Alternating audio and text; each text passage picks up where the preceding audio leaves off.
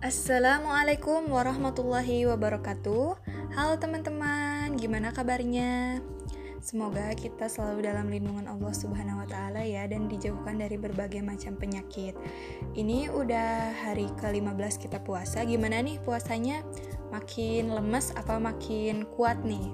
Semoga makin kuat ya dan tetap istiqomah dalam menjalankan ibadah kita. Nah, perkenalkan nama saya Devi Radwinta Maharani. Saya dari kelompok 16 dengan NIM 1907890 dari PKN 2019A. Di sini saya uh, sebagai penyimak dan bertugas untuk mengomentari atau menanggapi uh, materi dari kelompok 10 dan juga memberi pertanyaan.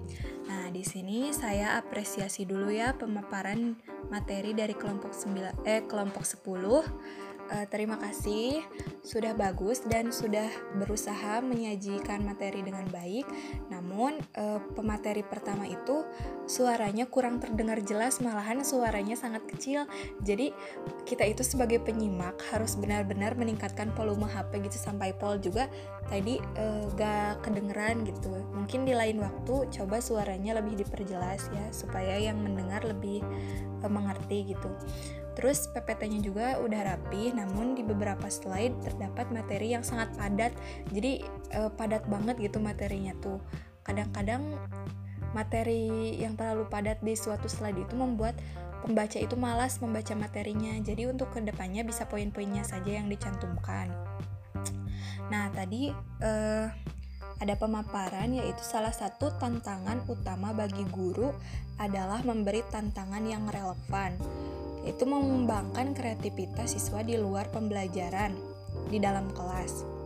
Nah, yang saya tangkap gitu ya. Lalu eh, saya ingin bertanya kepada kelompok 10 eh, bagaimana cara yang efektif eh, mendidik siswa di luar kelas sehingga siswa tersebut bisa mengembangkan kreativitasnya walaupun di luar kelas. Yang kita tahu kan guru itu kalau mengajar hanya di kelas itu kalau udah keluar dari kelas mah udahlah gitu.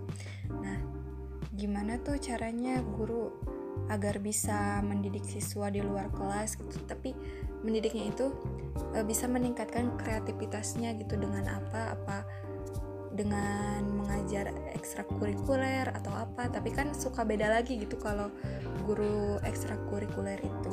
Terima kasih silahkan menjawab.